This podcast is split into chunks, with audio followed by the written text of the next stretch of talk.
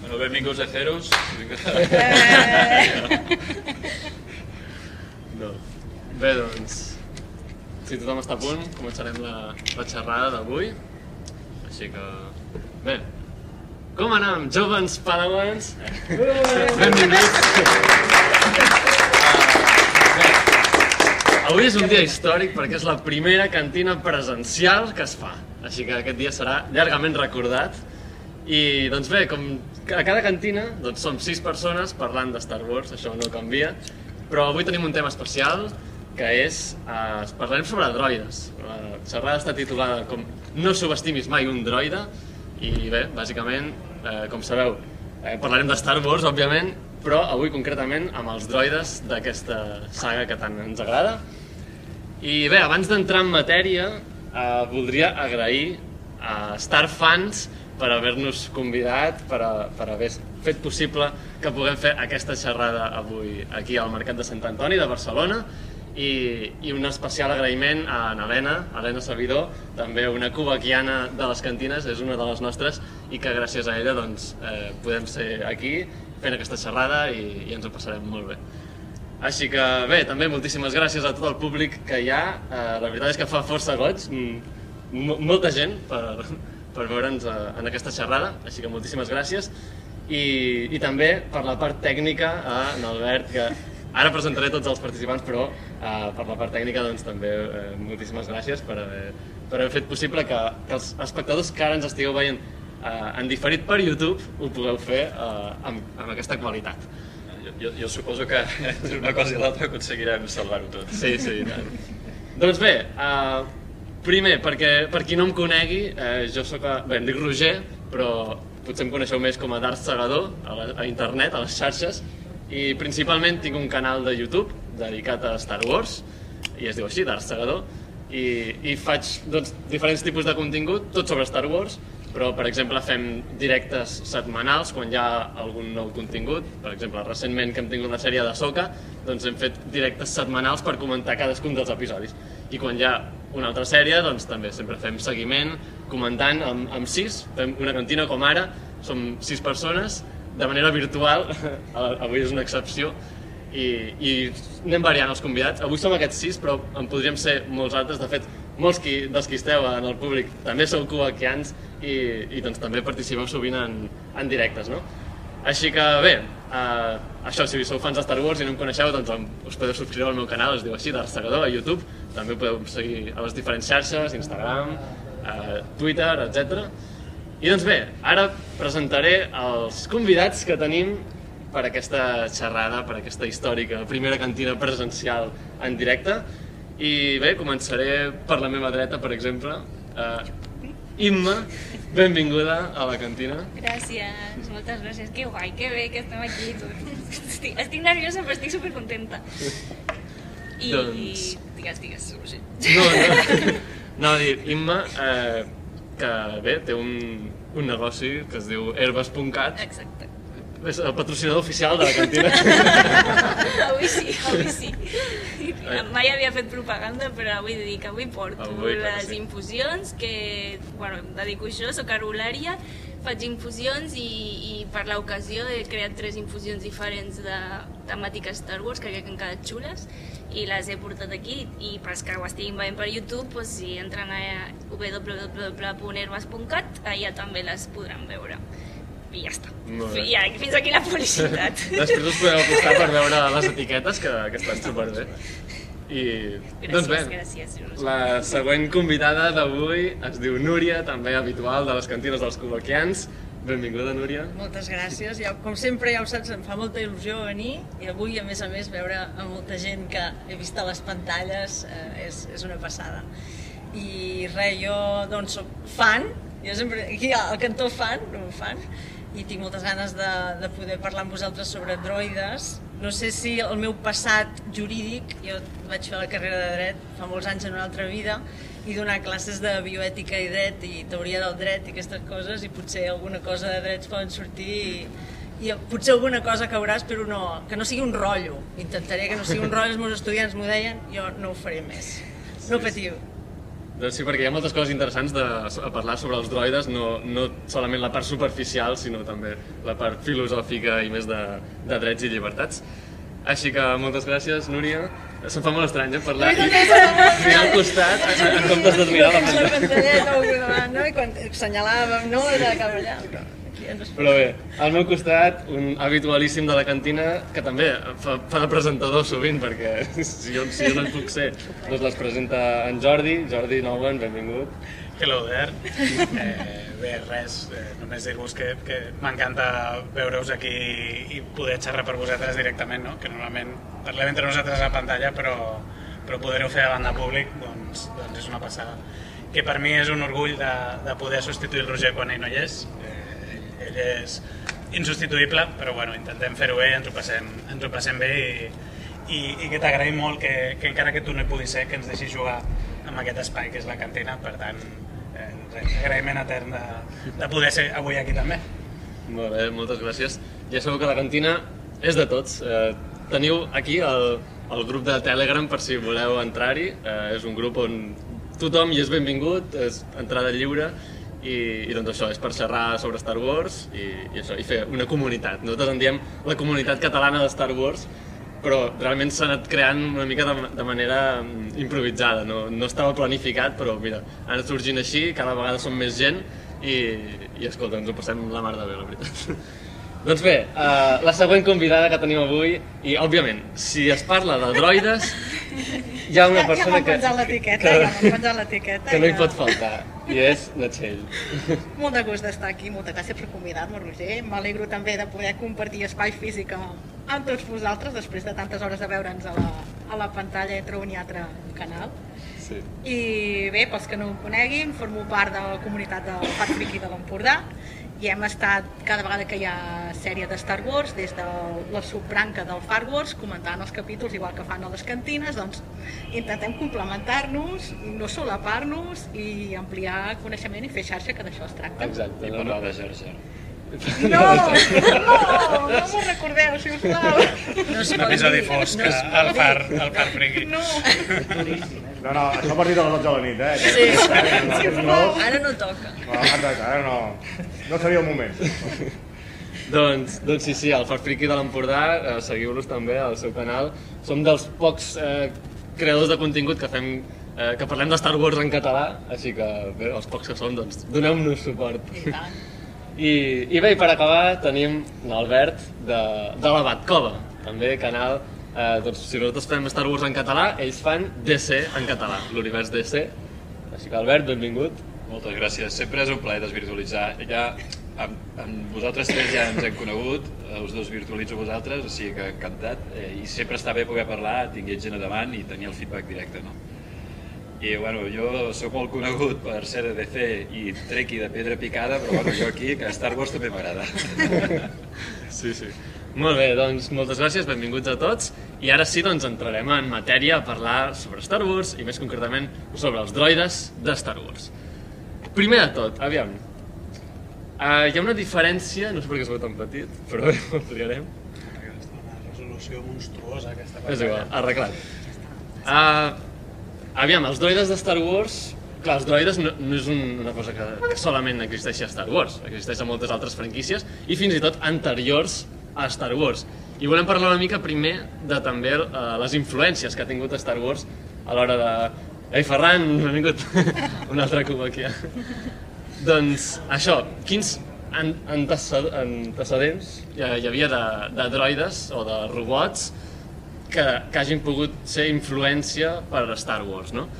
I, i hem posat tres exemples, potser n'hi ha algun altre, però, però Jordi, eh, ens vols presentar aquests tres exemples que, que Sí, tenim aquí? són, són antecedents i, i influències no, mútues. que A, a la primera imatge podeu veure la, la Maria de la pel·lícula Metròpolis, de, de que la qual és, és, és, tot, tota la pel·lícula gira envers aquest personatge, no? que és, és com un antropòfen, eh, diguem que agafen el robot com per, com per fer una, una còpia de la vida, no? que és el que, el que diferencia principalment l'androide de, de, del robot tradicional. Eh, en aquest cas eh, és, és com un model per això, no? per, per, per parlar de la vida, però també tenim l'altre exemple de, el que veieu a la, a la dreta, doncs ens presenta també un, un humanoide mecànic, però en aquest cas eh, s'utilitza més com, com per fer por, no? com, com per un, un androide com, com una amenaça. El, el cas del mig és més curiós perquè de fet és posterior, en la, que és de personatge de la sèrie de Buck Rogers, però aquí hi ha una, una influència mútua perquè tal com Star Wars es basa en part amb el, amb el pulp anterior no? i Buck Rogers com una de les principals influències juntament amb, amb Flash Gordon i de més en aquest cas, doncs, en el moment en què es produeix aquesta sèrie per televisió, que és immediatament després de l'estrena, la influència és inversa, no? és, és Star Wars qui influencia i qui dona aquest personatge original que, que ens recorda molt també a, al paper que fan els droides de Star Wars. Per tant, eh, hi ha moltíssims precedents, és veritat que, que Star Wars eh, innova sobretot en, en el rol que els hi dona, no? com aquests ajudants permanents o, o, o companys o que fan tota mena de labors en, en 50.000 rols, que això potser no ho havíem vist mai d'aquesta manera tan extesa o normalitzada o, o que estava tan, tan ficada dins de, de tota una galàxia, no? I, i bé, i, i després la influència que, que, que Star Wars va tenir en el concepte que nosaltres tenim de, dels robots o dels androides. Clar, no sé si voleu afegir alguna cosa més sobre, sobre aquests droides que, que existien abans de, de Star Wars, però bé, si no, eh, passarem... Sí, ja anirem comentant més coses. Tot just en Jordi parlava d'això, de, dels, dels diferents conceptes de droide, androide, robot... Aviam, exactament quines diferències hi ha entre aquests tres conceptes. Mm, No és exacte, de fet, depèn de qui opina una mica diferent, però en aquest gràfic, per exemple, doncs bàsicament el robot seria, seria el terme genèric eh, de qualsevol màquina, en canvi androide és un robot però que té forma humana, forma i característiques humanes, eh, i el concepte droide o droid realment és, és el més modern, és una invenció que s'ha fet per, per la ciència-ficció i en concret, concretament a Star Wars.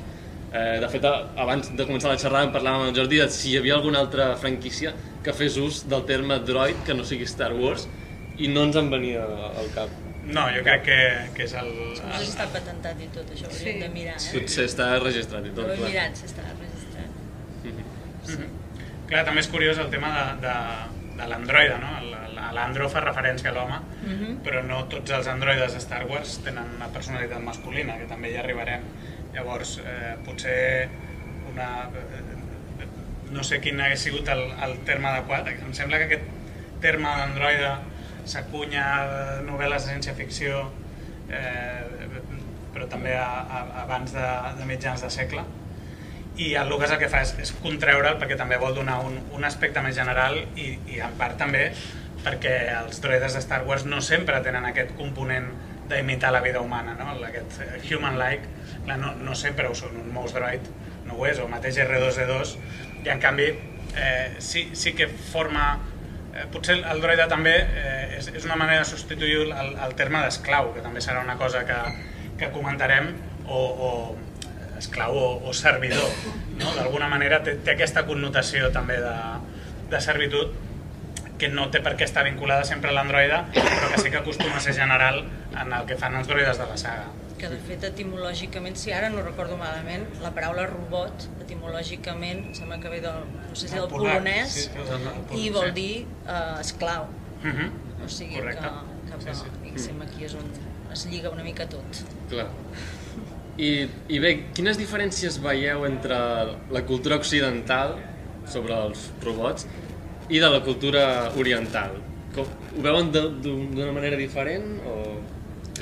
Jo això a vegades ho hem comentat, que, que sembla que hi ha com una diferència, eh, no sé si és cultural o, o simplement en l'imaginari, que no sé si pensareu també, que en, en les obres que venen normalment de Hollywood o americanes, els robots o androides sempre tenen aquesta... El moment que són self-aware, el moment que s'adonen de qui són, volen matar tots els humans. És com, com una dicotomia. És, és, en el moment que hi ha un, un robot que s'adona de qui és o de com és i té llibertat, és, es converteix com en l'enemic o, o, així, en una, no, Terminator, no? Podem, podem dir moltes, moltes d'aquestes sèries o pel·lícules, etc.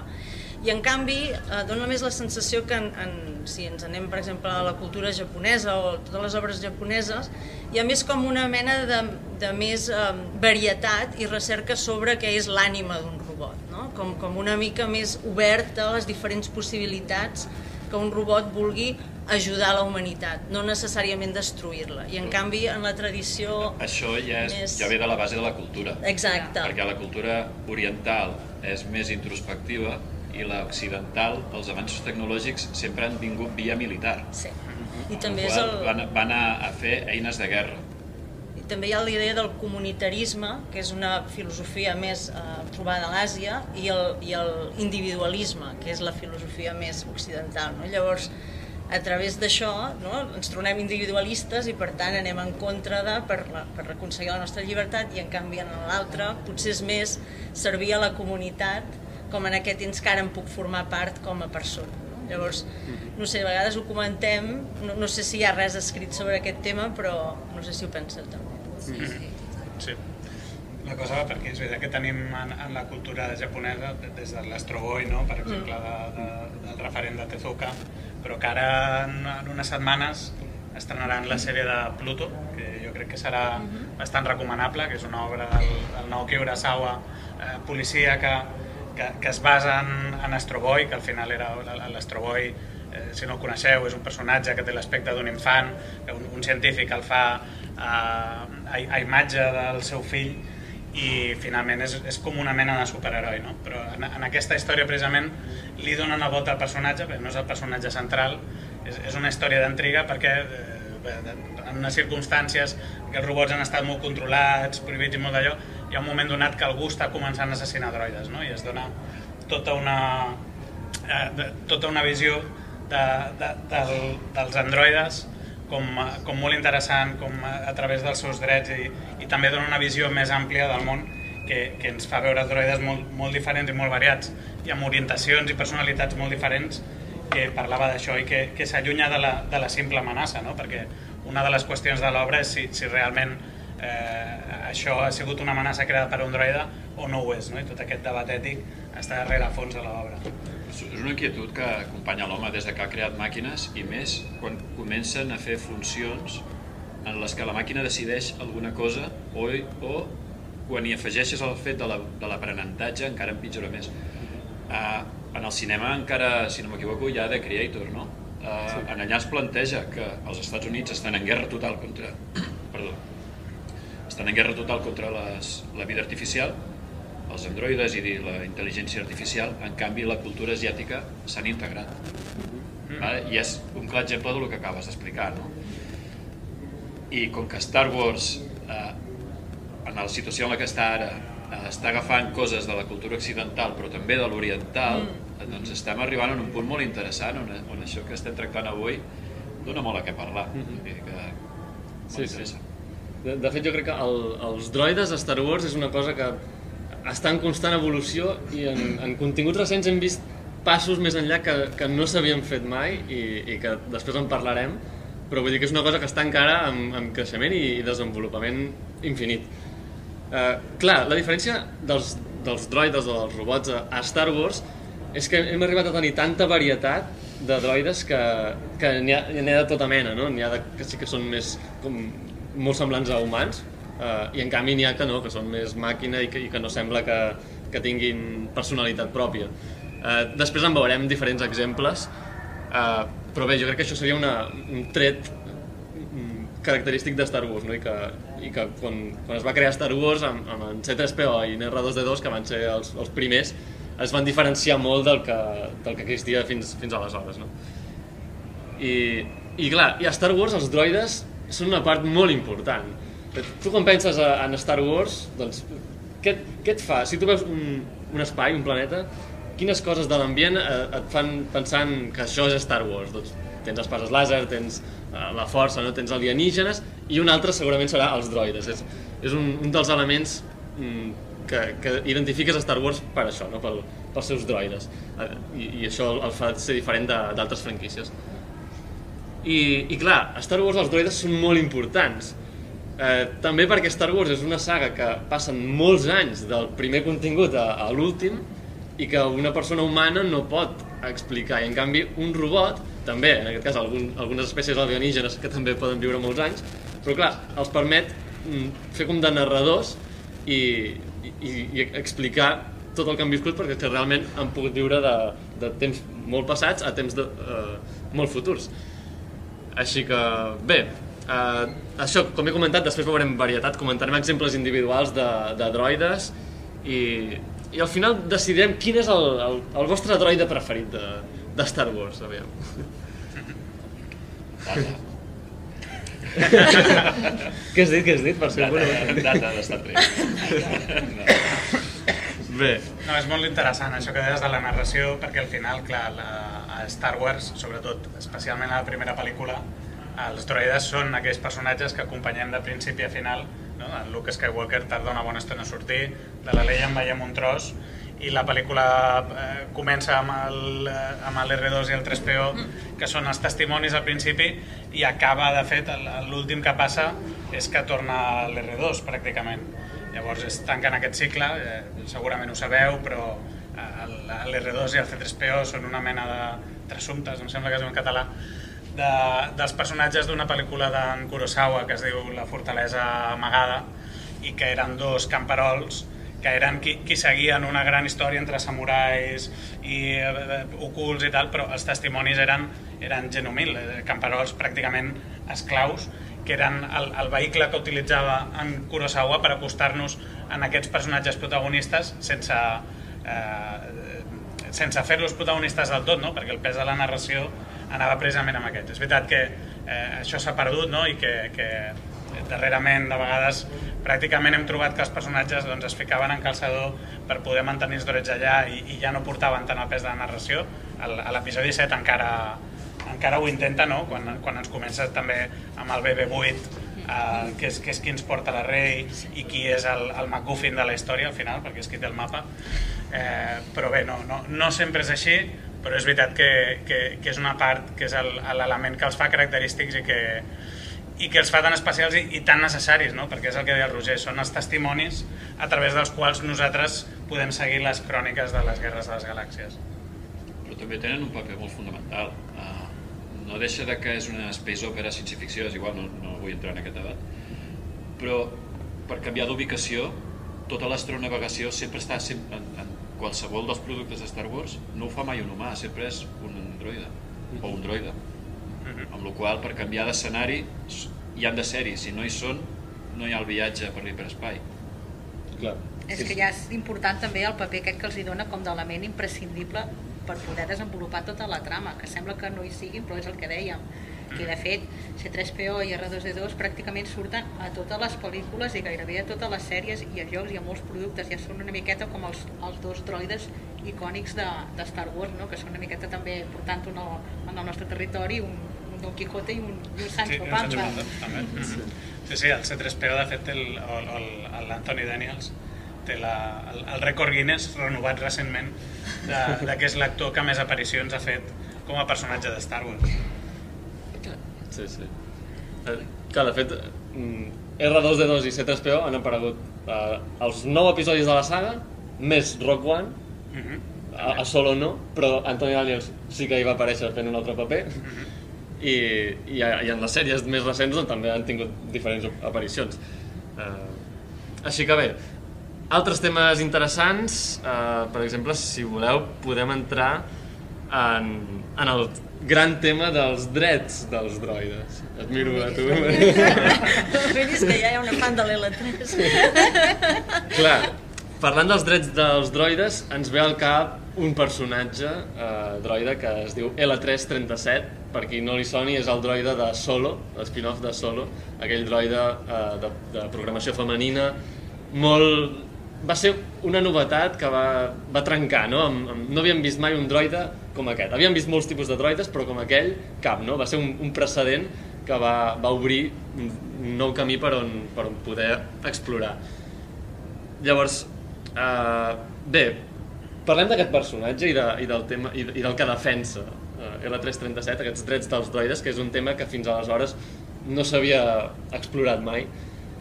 Què, què us sembla tot aquest tema? No sé qui vol començar. Home, de fet mai no... Sigui, des del punt de vista d'éssers orgànics, ja sempre es dona com per entès que els droides mm, s'han de sotmetre i han de respectar l'ésser orgànic. Mm, I viceversa, no?, també, en principi, perquè tu tens allà un ésser mecànic que t'està ajudant, que està fent una tasca que potser tu no voldries fer o no tens la capacitat per a realitzar ni els coneixements, per tant, els hi deus un agraïment. I en quantes escenes hem vist que en un moment eh, tu, mira, hi ha aquí tot l'exèrcit de robots i prum, els carrego tots sense cap mena de remordiment perquè són dolents. A veure, són dolents, són pobres màquines que les han programat d'aquesta manera i clar, aquí donaria per molt tema ètic des del punt de vista de si un ésser per no ser orgànic eh, però veiem que són éssers si- sintents perquè s'emocionen, perquè tenen por, perquè expressen preocupació aleshores tot això els fa en certa manera sensibles per tant també ja donem a entendre que tenen una part emocional potser no racional perquè no tenen cervell orgànic però sí que, ostres mereixen un, un respecte i un reconeixement que Sí, moltes vegades sí estan que... vius. Bueno, tenen, a veure, És clar, que al final la pregunta és aquesta, no? estan, estan vius, estan tenen vius, drets. Bé, Clar, és estan que- vius, no tenen cal que drets. Clar, en estiguin vius per tenir drets. Clar. Ah. Clar, tenen consciència. principi són- Aleshores, si tenen una consciència de que són i de, que, de la seva situació, que és el, el cas de la 3 de dir, a dir, no, no, és que a veure, estem aquí pencant, estem d'aquí d'allò, eh, ostres, per què se'ns veta el dret a entrar a la cantina? Per què no som benvinguts? Què hem fet? Nosaltres no hem fet res, som, som màquines, ens han programat d'aquesta manera. Mm, és tot això el que ens volia anar descapdallant. clar, Star Wars com que et presenta uns droides amb, que gairebé podrien ser humans, perquè tu els veus que són droides d'aspecte, però com pensen, com actuen, podrien ser perfectament humans. Llavors això fa que et plantegis aquestes coses, no? de si realment es mereixen els drets. Clar, si fossin una simple màquina, com no sé, en altres franquícies, va, ja no, no penses en que haurien de tenir els drets d'humans perquè ja veus que és una màquina que no, que no pensa. Però Star Wars te'ls fan tan humans, te'ls humanitzen tant, no tots, però molts exemples sí, que doncs, clar, et, et fa pensar això. I, I no tan sols com a espectador, sinó que per primera vegada vam veure, en el cas de la meva 3, eh, un personatge que ell mateix eh, és conscient d'això i vol lluitar per canviar-ho. Sí, des de la, pri la primera pel·lícula hi ha aquesta dicotomia, no? Tenim dos personatges, la R2 i el C3PO, que entre ells tenen com una relació amigable, no? Eh, són, són amics, no? són, tenen característiques molt humanes, però després veiem com els compren i els venen en un lloc com a propietat, no? I, i tenim el xoc de són propietat o no són propietat, què, què són, no? Perquè després són tossuts, fan el que els dona la gana, no? Resisteixen les, les ordres del, del mestre, no? Però alhora els has vist vendre i comprar, no? Per tant, en el teu cap és, d'acord, els droides són propietat, però també comencen a apretar aquest límit de realment són propietat i durant les pel·lícules, les originals, doncs comencen a fer-se amics, no? Hi ha aquesta relació d'amistat. I aquí és on hi ha potser el tema candent de què vol dir ser... O sigui, què necessiten per poder tenir drets? Han de ser persones i vives? Quina és la característica que fa que algú pugui tenir alguns drets, si més no?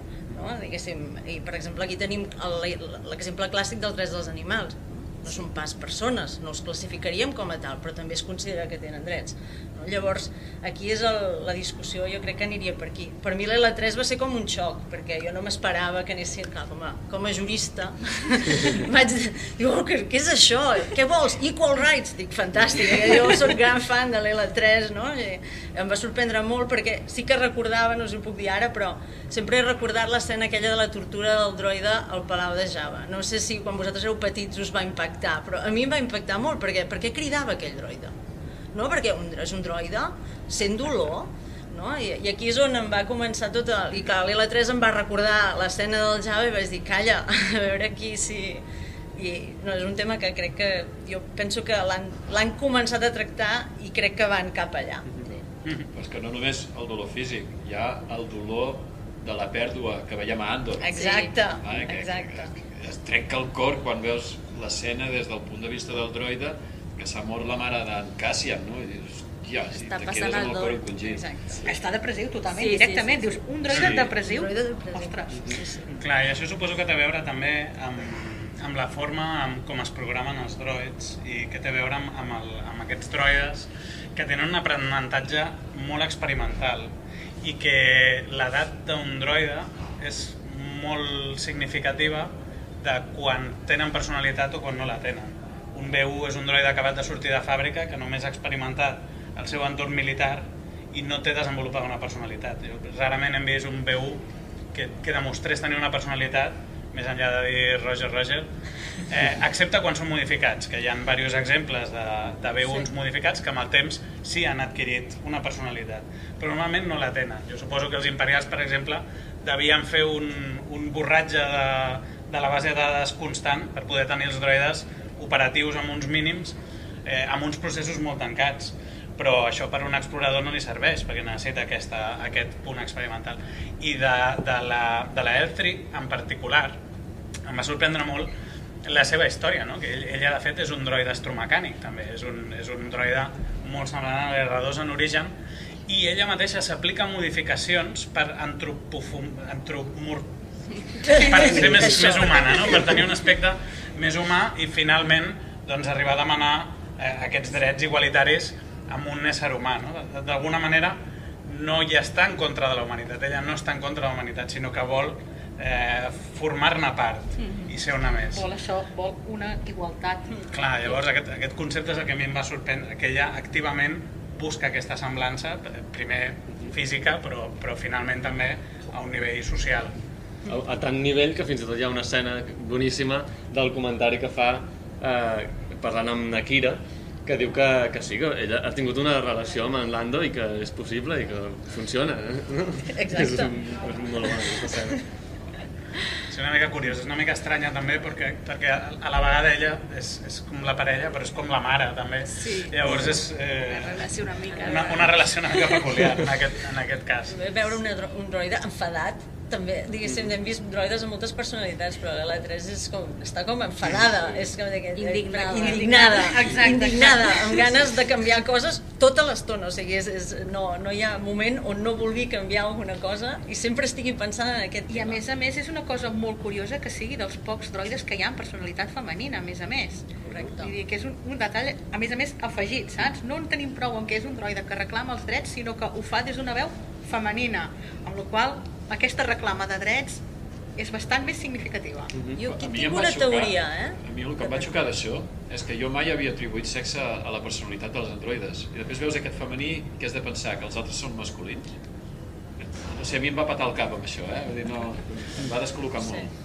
Clar, és que sí, sí que hi ha hagut droides abans amb personalitat, amb personalitat femenina, però, però no d'una manera tan ex- explícita o, o que es recolzi en, en, en, en que és femenina per aportar-li un valor afegit a la seva personalitat. No? Perquè sí que teníem, per exemple, a l'inici de l'episodi 1 la TC-14, que és el droide La protocol cambrera que serveix beguda en un Qui-Gon Jinn. que els atén. De fet, la torturadora del Java... La és- torturadora. Exacte, és- no, de nou, sí, sempre, també- bueno, també sempre és. aquests, aquests papers guais. Obi-Wan Eh? Kenobi també és... Exacte, el Ah, vermell, exacte. el 4. Hi ha alguns exemples, però, però n'hi ha pocs i també és, és un tema que, que ens hauríem de qüestionar per què, per què hi ha tan pocs droides en programació femenina comparat amb tots els que hi ha masculina, no? Això també és un tema que, que, que potser és, és una cosa que s'hauria de canviar no? amb el temps i, i posar més, més droides femenins. Jo, jo aquí en el tema de la 3 tinc un, bueno, no ho he llegit en lloc, però si ho heu llegit ja m'ho direu. Uh, però tinc, em dóna la sensació que la van fer en femení,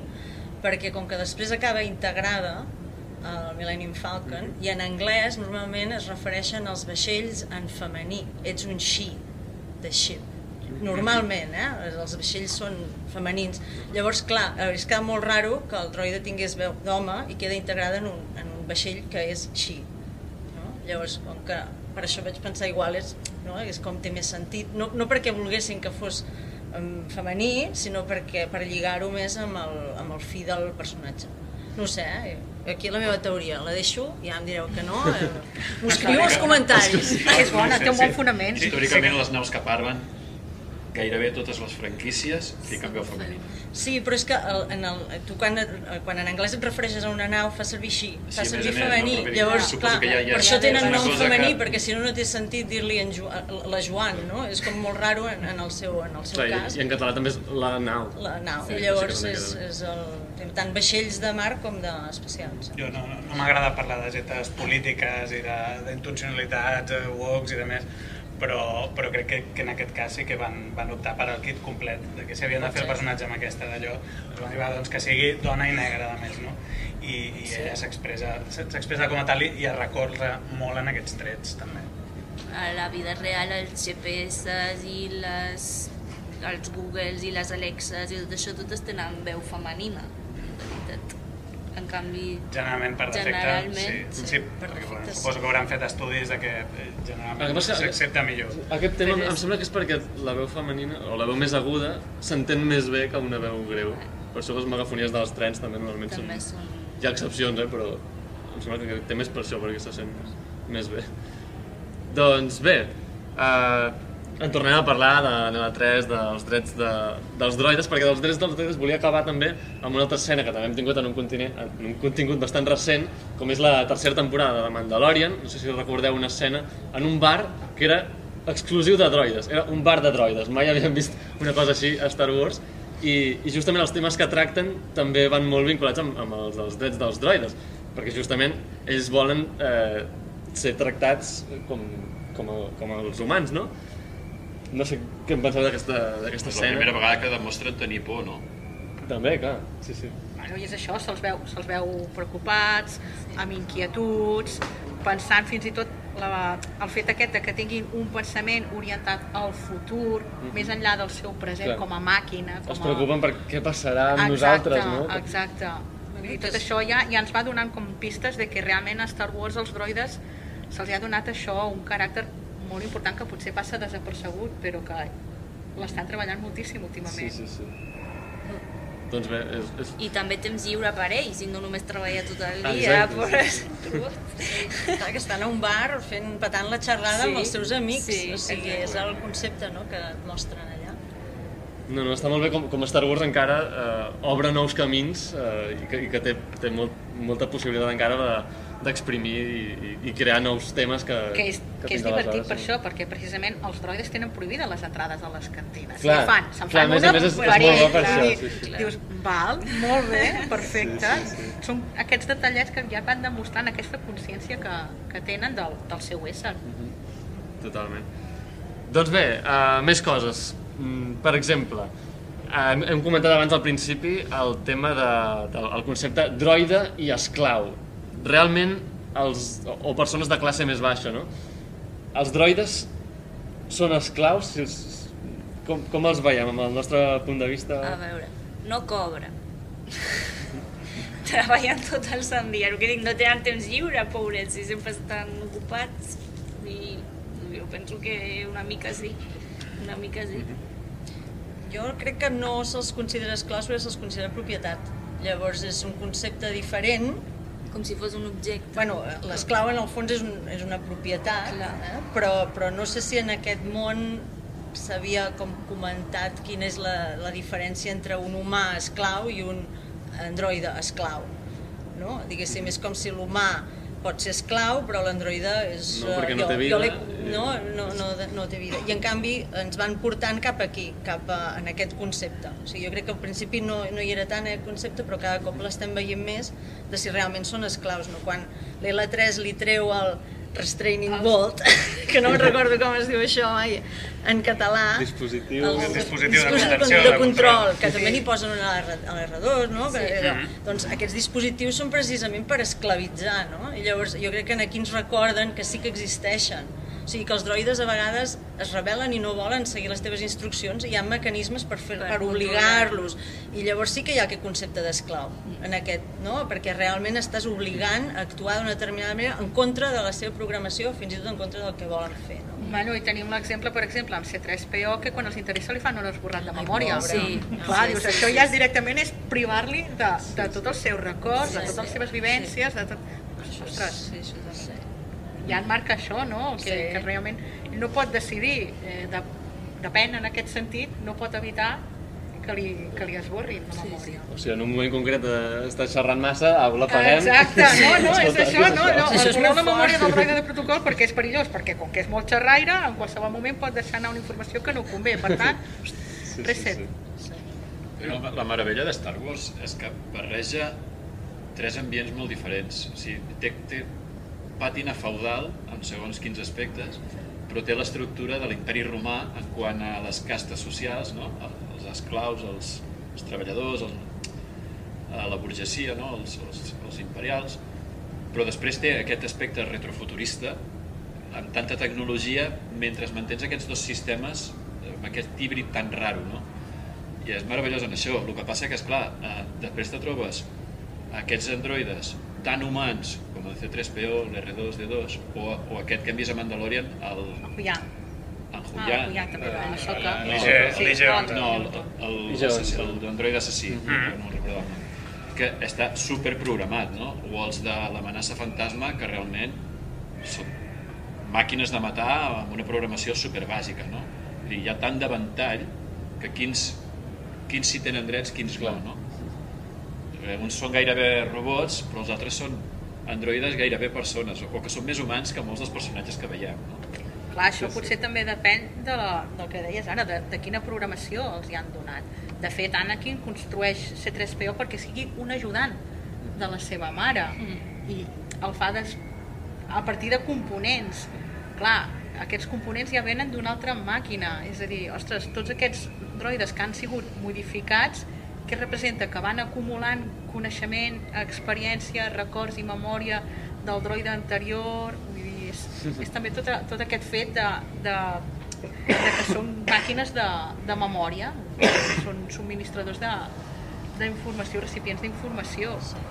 I C3PO també veiem això, no? que quan Anakin l'està construint té aquesta consciència de que encara no està acabat, de que està com despullat i té el sentiment aquest, de, el pudor aquest de oi, que encara no estic acabat de fer i tal. Vull dir, clar, el té ell, un altre astromecànic potser no el tindrà. Per què? És totes aquestes preguntes que ens podríem fer.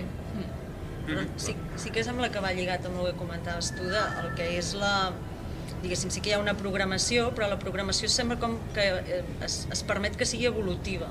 No és, no és una, una programació acabada, sinó que es permet que a través d'interaccions, memòries, experiències, etc vagi millorant o canviant o, o no, o empitjorant, depèn de quin tipus d'androide, no?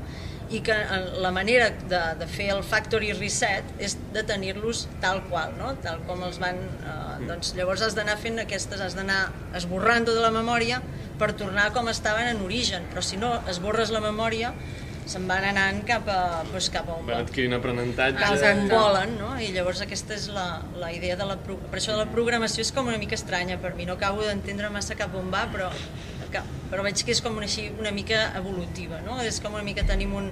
Ara que s'ha posat de moda els Large Language Models, no? que no sabem cap on van i què fan i que és una black box i tot això, doncs és una mica la mateixa idea, no? Hem, hem programat una cosa, però, bueno, mm, se'n pot anar una mica de... Que de fet també és curiós que els droides, que són més, diguéssim, de servei imperial o separatista o d'aquests bàndols, són com més limitats, són com més casurros, són com més troglodites, més bàsics, i en canvi altres droides tenen un punt més de, com d'intel·ligència, de relacions, de... També és curiós això, no? que es veu la, la diferència entre els dos grans pols.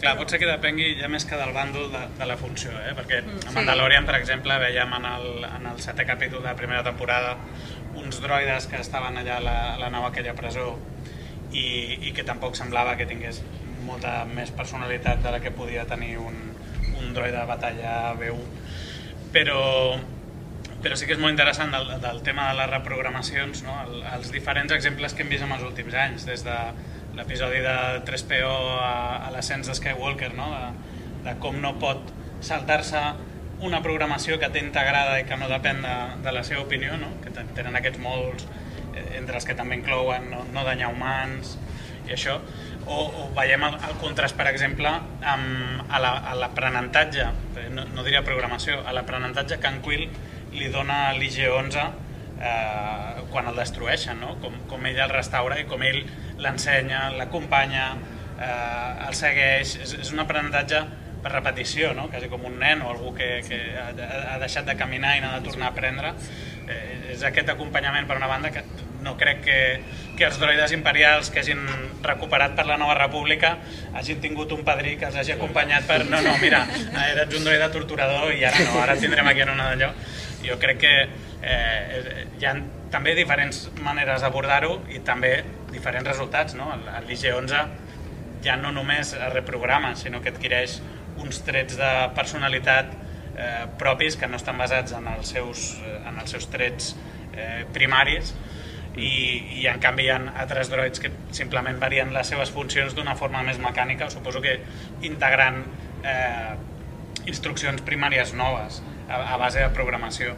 Però el, el fet aquest de l'IG-11 és el, el que em sorprèn i el que, el que em sembla que és un exemple de eh, què li passa a un droid després de sortir de fàbrica, què li passa la setmana, què li passa al mes, què li passa als dos anys, què li passa als 10 anys de conviure amb algú que el respecta, no? com, com ha canviat aquest droid i en què s'ha convertit, perquè ja no és el mateix individu i, i l'individu ja, Bueno, ja té això- certes això implicacions. també Ja ens porta a que l'ambient a a on es desenvolupen, a on estan, a on fan la seva feina, també els influeix. Clar, influeix molt en el desenvolupament i en, en què serà aquest, aquest droide. És curiós, el Ninja 11 té un, un fet curiós, però, és que quan hi ha un moment, hi ha un moment que recupera l'antiga programació, Sí. és a dir, d'alguna manera li, li Encara- resta guardada de la primària. dins Sí, de... Sí, sí, no s'ha eliminat del tot, per molt ensenyament que hagi rebut. Star Wars s'està atrevint a ficar-se en un fangar bastant. Sí, això és Perquè- important, eh? Perquè, per una banda, tenim això de que han entrat en, en obrir la porta a, a l'humanització i a l'adquisició de drets i la lluita que pot arribar a portar, no sé, des de la visió més occidental, a, a la rebel·lió dels droides Sí. o l'autoorganització. Mentrestant també hem vist en un dels productes no fa tant com hi ha humans que es, es divorcifiquen, no sé com s'ha de dir, no? Sí. Que, és allò que, que, que el que els hi mola és fer-se màquines. Va? No sé, és, El tot aquest rotllo, barrejar el ciberpunk amb, amb la lluita dels esclaus que volen la llibertat és, és, és molt curiós, no? I depèn de com ho encarin, eh, poden entrar en un carreró bastant curiós. Eh? No, Bueno, no, I després la, la gran pregunta, no? Darth Vader què és? Exacte, això estava dient. A- a L'Obi-Wan diu, diu explícitament que ara és més màquina que no pas persona, no? Ells, ells utilitzen aquesta transformació en un enginy tecnològic precisament com, com, com una imatge directa de la seva pèrdua d'humanitat. Llavors, eh, en aquest cas sí que ens parlen de les màquines com que no són humanes, perquè el Vader deixa de ser humà quan es converteix en més droide. Però bé, al, al final nosaltres sabem que, que tampoc és així, que la, que la relació no és tan directa. Sí, Simplement hi a ha força. menys percentatge d'Anakin. Hi ha menys percentatge físic. Qui en accés a la força si conserva humanitat, no? Si té accés a la força, bé, aquí també és un tema curiós, eh? perquè interessant, li, li hauríem de preguntar a l'R- a l'R5 de 4 o, o a en Huyang què en pensa d'això. Clar. Ja. Jo, eh, acaba de sortir, per això estava mirant a veure si era canon o no, a veure si ho podia dir, i si no l'Ari em, em, em renyaria. em sembla que és canon i per tant ho puc dir. Hi ha com, eh, ha sortit ara un còmic que just acaba de començar, fa relativament poc, que es diu Dark Droids, Mhm. que precisament va de dret. No diré res, no spoilers, eh? però crec que val molt la pena si us interessa el tema de droids i cap a on va aquesta idea dels drets dels droids o els límits dels, dels, dels droids de Star Wars, doncs és una sèrie que és un event, no?, que en diuen, que és, és un, serà com una mena de sèrie que només es diu Dark Droids i després de, de Discord, però que després té events en, en molts dels altres còmics que potser ja esteu llegint, tipus Lando, etc etc. Hi, haurà, hi haurà relació. Llavors, per allà van, eh? Vull dir que hi tiren. Sí, sí. Suposo que ho veurem més. Bueno, de fet, els droides són una part del gran producte de Merchant dintre de Star Wars. Correcte. És Sí, sí. un bombasso. Jo mateixa a casa tinc una Lola. Per què? Perquè me'n vaig enamorar i Jo vaig tinc voler un una Lola. BB-8. És que... És que... Sí, sí. I bé, eh, hem parlat de moltes coses que ja, ja les hem comentades, no? però l'escena del Tortuga en Java que has dit, eh, la venda per part dels Jawas, mm. això que els posen el, el dispositiu aquest. Eh, també en Albert ha comentat el, el fet que siguin importants per ser astronavegadors, que per viatjar són imprescindibles. Uh, I llavors també un tema interessant és que són els testimonis i cronistes accidentals del que passa a la galàxia, una mica també el, el que hem comentat, que són com els narradors. Uh, especialment passa això a, a la trilogia original i, i això doncs que és una, una via d'entrada per l'espectador. Mhm. No sé si vols comentar. No, no, més o menys és, és el que ja deia jo, que el, droid al final sempre és l'acompanyament que, que connecta de vegades millor amb, amb l'espectador que, que els personatges, no? I, I sovint ens empatitzen més els droides que veiem en pantalla que no pas els personatges els personatges orgànics. Sí. I I- vegades- Digues, Digues, digues. No, que deia, a vegades els droides són els que fan que dos personatges es trobin o, um, o si ja s'han trobat, que, que s'acostin. No? Per exemple, a mi m'agrada molt el K2, gran fan, uh, que, que hi ha com a... No? El de Rock One, per qui no Sí. estigui situat. Cassian no? a una banda i, i Gina a l'altra i, i aquest personatge estrany al mig que fa que al final Són tot acabi de lligar. sí, són- Exacte. sí, sí. És, és com un personatge catalitzador de la relació entre els tres al final que fa que tot acabin no? lligant. I normalment porten eh, també el pes de la comèdia, de la part còmica, de les escenes també, els Sí. droides. En moltes És ocasions eh, s'han fet servir per això, sí, sí. Sí. I, Per alleugir. sí. Però que alhora, bé, també ho hem comentat, però que són importantíssims, perquè en molts moments clau Sí, sí. de no ser per... perquè a l'Eia li, li posa l'R2 al, Ah, això al a dir, disc, és que... No, Ho no, canvia són tot, bàsics. no?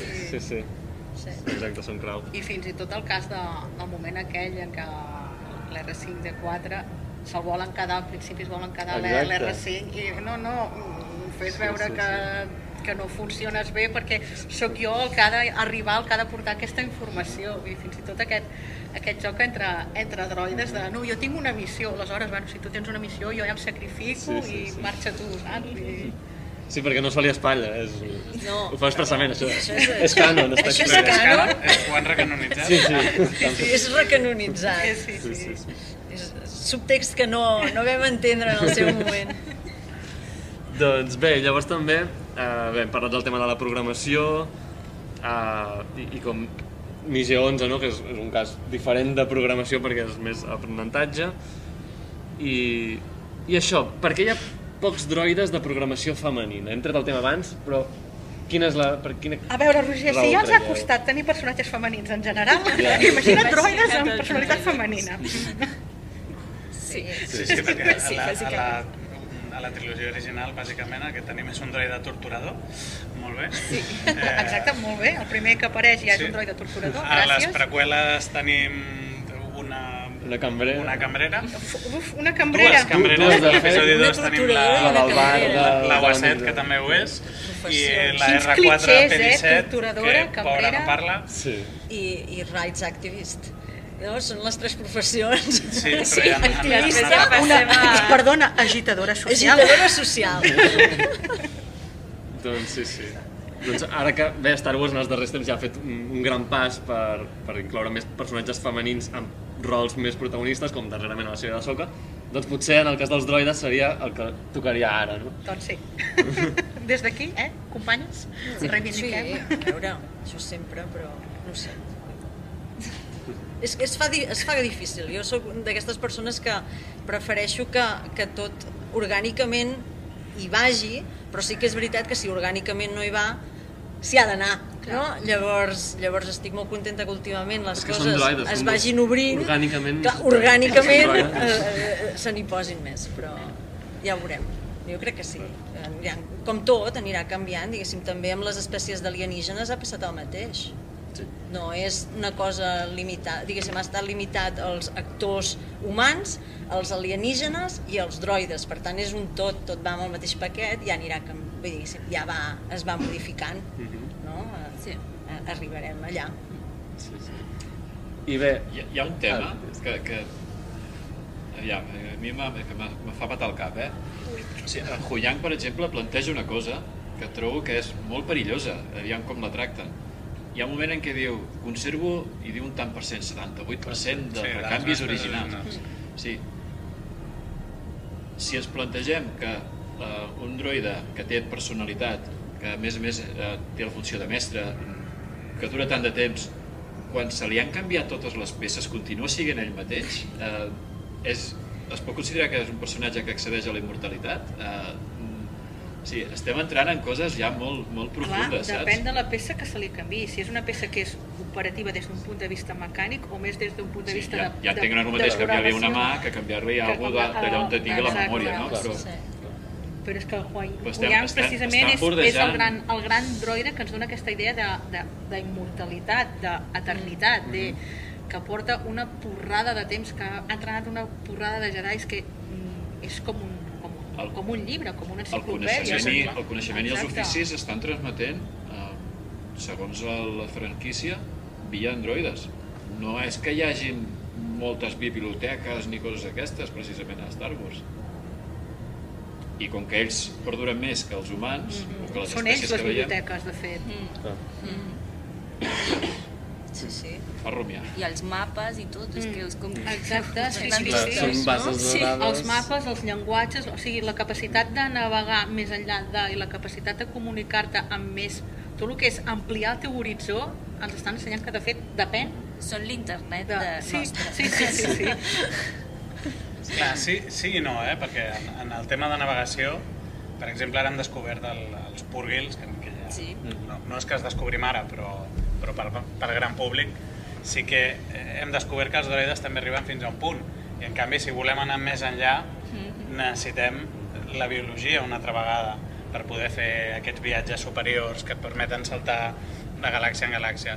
El, el Hu Yang, sobre el tema de la programació, no? després de tants anys, també em preguntava, ell en algun moment el programarien, però després de tants anys i de tantes generacions, en el moment en què està amb la soca, no? que ell al final re- representa i és el reflex que tenim per, per eh, reviure'ns els conceptes de què són els jedis eh, normatius i oficials en contrast amb la soca que precisament intenta trencar això, però que ell per la seva banda precisament eh, tot i que expressa el que vol dir els jedis eh, és un personatge molt emocional, el veiem trist, abatut, veiem que els hi fa un consell eh, també com molt, com molt protector, no? no us separeu, o eh, sense perdre la, la seva personalitat, sí que a nivell de, de coneixements i de l'hora d'enfrontar les coses, té tota aquesta experiència que li dona una venerabilitat enorme també i, i que ell mateix té la capacitat de d'adaptar-se millor en aquesta nova situació que té,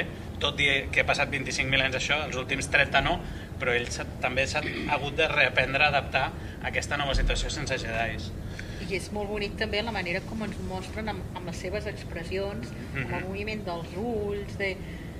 És, El està bebè molt buit. bé. Clar, aquest li han, li han donat un, un és- plus Sí, d'expressivitat. Sí, sí, sí. increïble. El bebè buit, que- El bebè buit té unes expressions Sí, i una bola. I a sobre no és androide, no és de forma humana, que No, encara exacte. sembla que sigui més difícil, Sí, no? sí, I com sí. ho aconsegueix? Bueno, i l'altre gran droide que també té una personalitat explosiva, Chopper.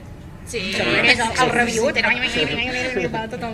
és, està molt bé això que cada, cada Sí, que un d'aquests que són importants Sí, sí, i que- el droide has és aquest. Són, però que se'ls hi marca més la, la personalitat, no? també, sí. que tothom per això els acaba coneixent i els acaba identificant. És com- un personatge més. Però aquest, aquest és un cas una mica extrem, eh? té, té aquesta dependència de, de fer-se imprescindible perquè només ell pugui fer aquella funció, perquè així no puguin substituir-lo. que- Bueno, que- bueno, que bueno. dius, tio, Està, està reivindicant els seus drets d'alguna manera Sí, també, eh? sí, Vull sí, dir, sí. clar. És que una cosa que m'encanta de Star Wars és que és capaç de crear nous droides i que cada un sigui diferent a l'anterior i tots superinteressants. I dius, ostres, mira quin, quin nou personatge, que cada nou contingut té el nou droide i amb una personalitat totalment diferent de, de l'anterior i fins que arribem a, a dia d'avui que tenim una gran quantitat de droides amb molt diferents i tots genials no? i interessantíssims. De fet, no, no se'n parla prou dels droides navegadors de, de l'ull de Sion que a mi em semblen al·lucinants, freds, però que tenen un aspecte eh, molt diferent del que hem vist en altres droides i una personalitat com molt freda, molt d'allò, i no se'n parla prou. Eh? A mi Sí, són uns droides que, que m'al·lucinen i que, i que crec que, que els haurien de... Em falta que, que li haguessin donat algun Són una miqueta més d'allò. marcials, aquest posat. Absolutament, sí, sí. Completament, i sí, sí.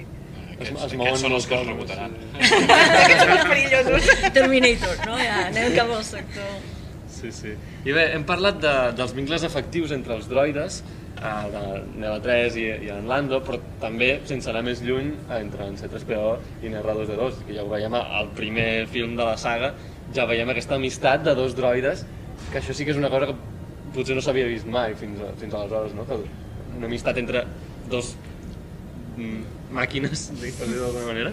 No, i tan diferents. I, i a sobre tan Exacte. diferents. Exacte. Sí, sí. Sí, sí, que està molt bé, és el punt aquest que comentava, el punt còmic, mm. a més a més el punt filosòfic de reflexió, les converses que tenen entre ells també, i està, Sí, està sí, molt sí. bé.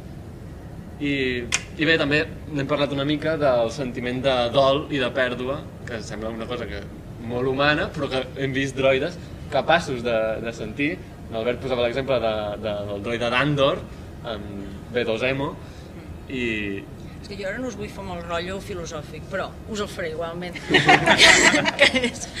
Jo estic veient moltes re referències a l'utilitarisme, ja, ja us vaig comentar la presó de Bentham, eh, de, de, de Andor i tal, i aquí torna a ser el mateix, diguéssim, eh, la teoria utilitarista, eh, com a mínim la de Bentham, es basa en la idea que no és tant com... Hi havia la racionalista de penso per tant soc. A tots, mm -hmm. tothom, a tots us deu sonar el penso per tant soc, no? Doncs hi havia una, una altra teoria en aquell moment que estaven com una, mina, una mica en contra l'una de l'altra, que era no mirem tant si pensem, si som racionals, com si podem sentir dolor. Llavors ells partien, aquesta altra teoria partia de la base de el que ens iguala no és que pensem, sinó que tots podem sentir dolor.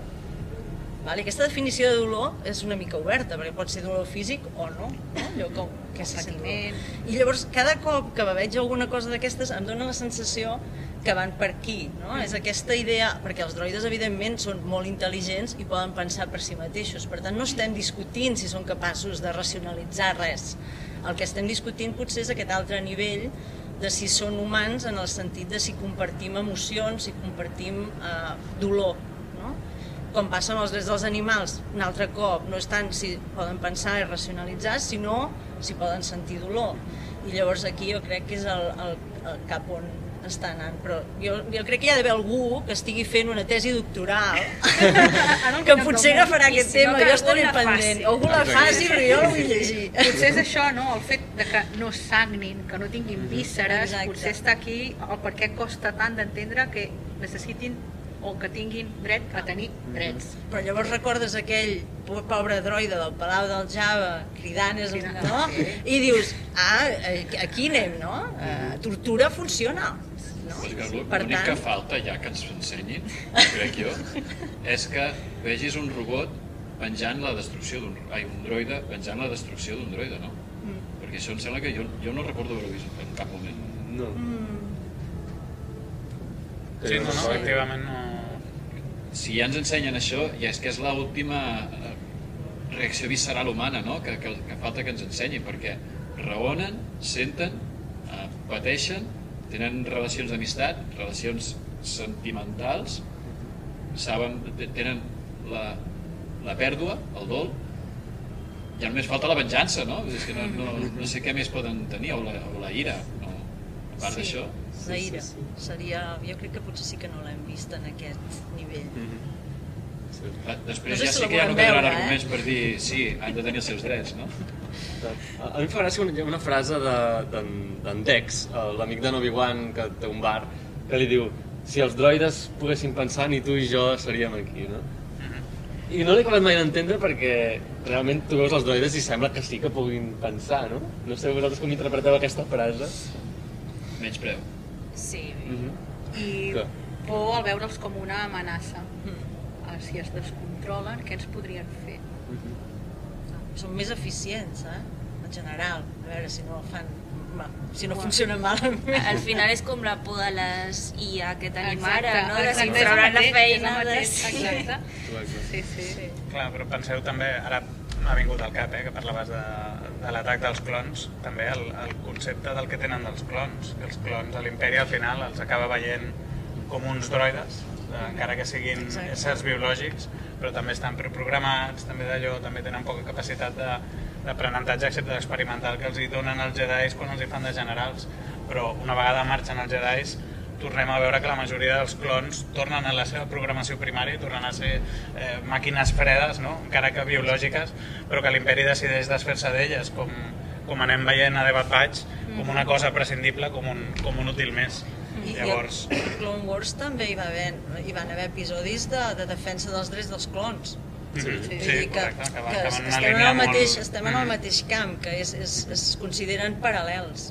Sí, sí, Es sí. van crear per un... Per un no? La- L'excusa que donen és es van crear, nosaltres els vam crear, tenien una funció i ara ja no, no? I, Exacte, i, i són uns apastats.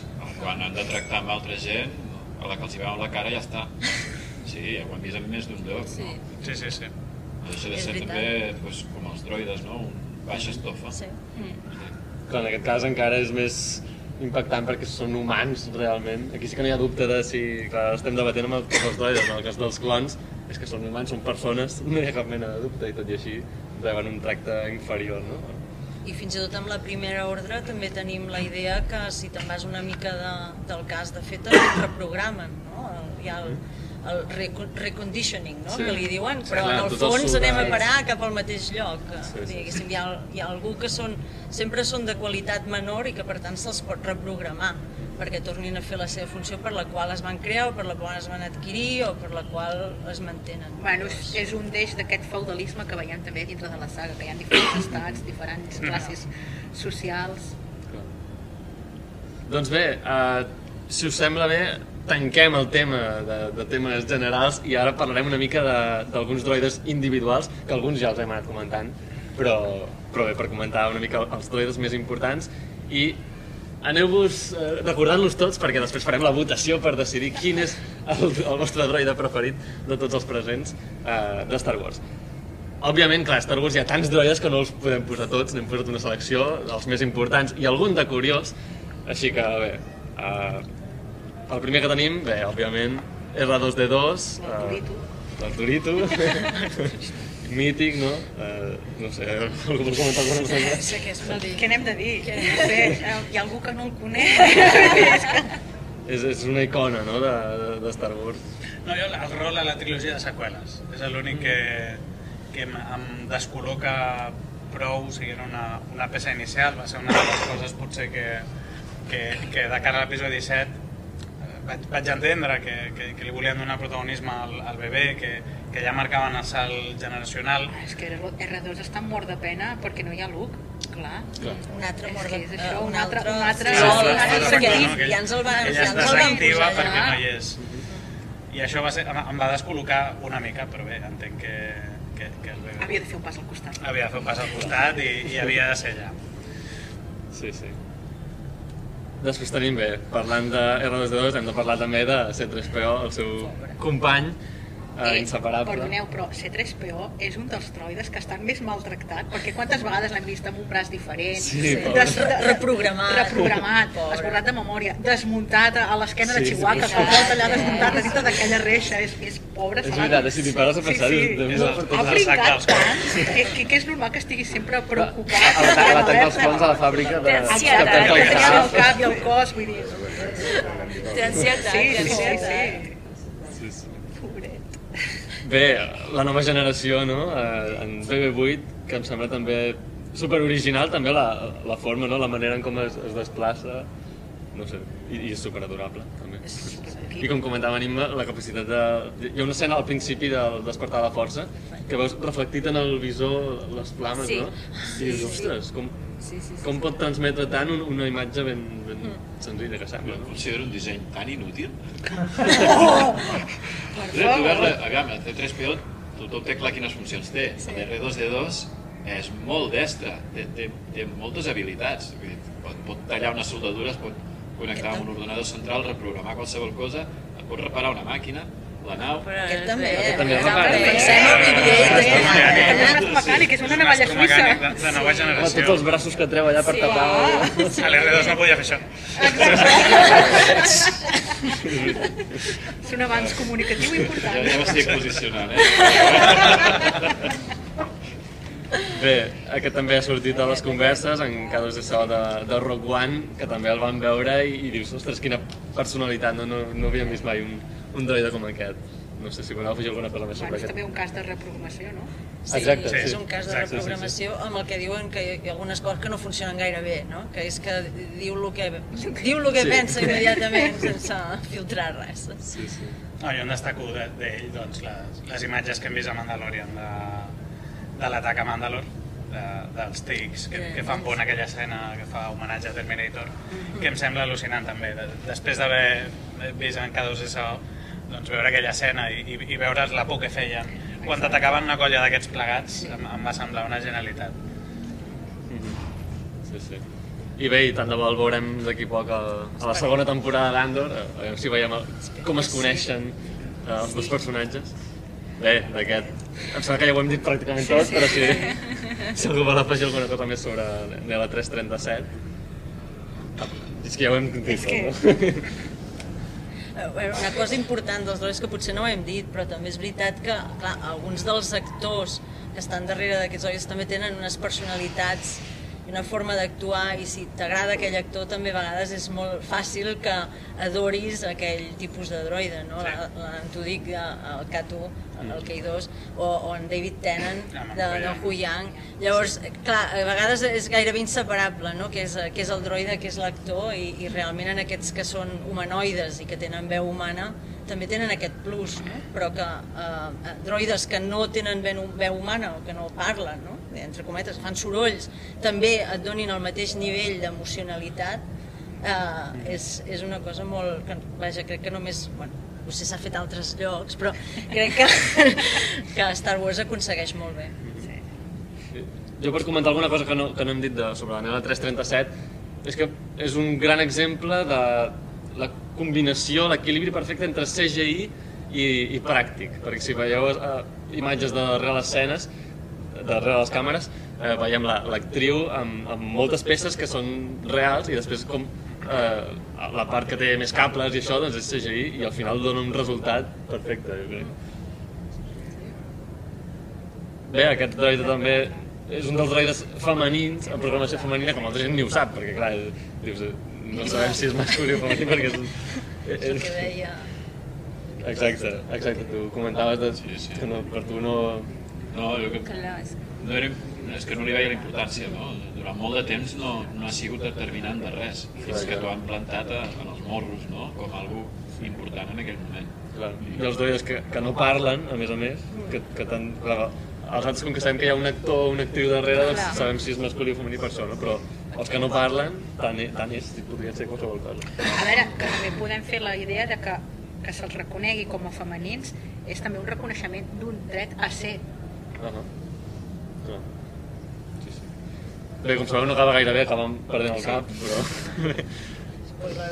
Hombre, Aquest droide també és interessant per, per les emocions no? que, que transmet. És un droide que, que ha patit, ha estat, eh, ha estat maltractat, no? I, i té aquest sentiment com que no, no s'ha acabat de recuperar tant. té un trauma. Sí, exacte, sí, Sí, sí, un És trauma. molt curiós, i això dels traumes trauma dels droides també et dona la idea aquesta de com, que, com va reafirmant, eh, que són éssers amb emocions, que senten, que es preocupen, que pateixen. Sí, sí. I dius, aquest droide, doncs, sí, és una cosa... és un con amb una roda i, i en canvi tot, tot el que transmet... Tota la càrrega que té, sí, sí. I parlant de personatges amb, amb patiment i tortura, doncs tenim aquest que també hem comentat, no? En, en B2M de d'Andor, que també genial, no? El personatge eh, i, i tot el que et fa sentir com a espectador. Que és potser el primer droide que veiem que tartamudeja.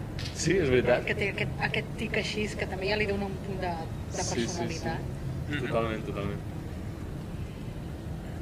Llavors tenim aquest, IG-88, els, els he posat junts, IG-88 i IG-11, que és el de, Sí. de Mandalorian, perquè són del mateix model. Realment l'interessant és IG-11, que va ser IG-88, un que és l'original, eh, he volgut també destacar. A més, m'encanta el seu disseny, sempre ha sigut un, un dels meus dissenys preferits de, de droide de Star Wars. I bé, en el cas de IG-11 és interessant per tot el que hem comentat, no? d'aquest aprenentatge que ha hagut de reviure, etc. I després encara l'hem vist amb en Grogu eh, pilotant-lo, eh, fent sí, sí, Sí, no, no, no. També és genial.